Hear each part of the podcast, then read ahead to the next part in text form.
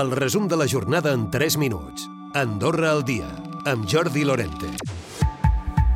El Consell d'Europa constata que a Andorra existeix risc d'explotació laboral, especialment en treballs de temporada, la construcció, el treball domèstic i l'agricultura. Demana més inspeccions i accions per identificar possibles víctimes.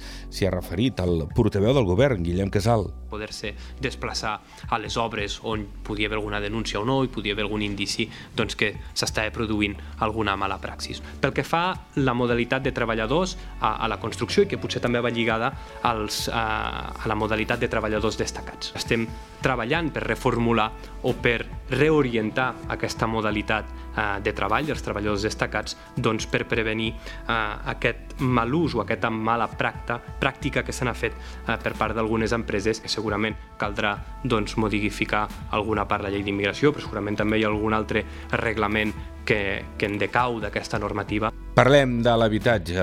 El director de l'Institut Nacional, Josep Maria Pla, ha estat a Ràdio Nacional, ha explicat, en aquest cas, eh, que hi ha un augment considerable de les consultes que reben a la institució. De fet, en el que portem d'any, més de 100 consultes. Entre altres motius, hi ha la recent aprovació i la publicació de la llei d'arrendaments. Els dubtes arriben des de tots els fronts, propietaris, llogaters i professionals immobiliaris.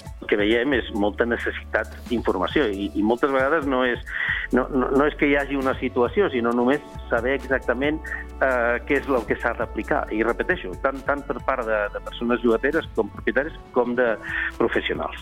I mentre l'USDA planteja que els comuns cedeixin terrenys per construir habitatges assequibles, però no només per a lloguer, sinó també facilitant la compra. Creuen que les mesures actuals no milloraran la situació de l'habitatge i traslladaran les seves propostes als grups parlamentaris al febrer.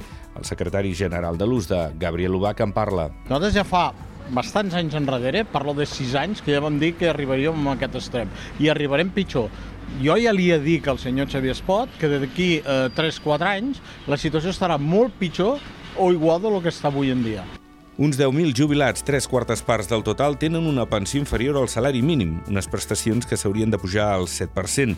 Risco ha reiterat que caldria fer reformes perquè la situació millori. Escoltem el representant de la CAS als pensionistes. 13.000 pensionistes que han cotitzat més de 15 anys, o sigui que tenen dret a una pensió a una pensió vitalícia, d'aquestes 13.000 persones, 10 més de 10.000 estan per sota el salari mínim. Això és un problema.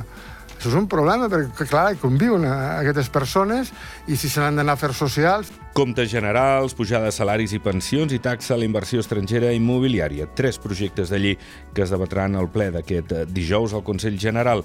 En la sessió, els parlamentaris també designaran el nou raonador ciutadà.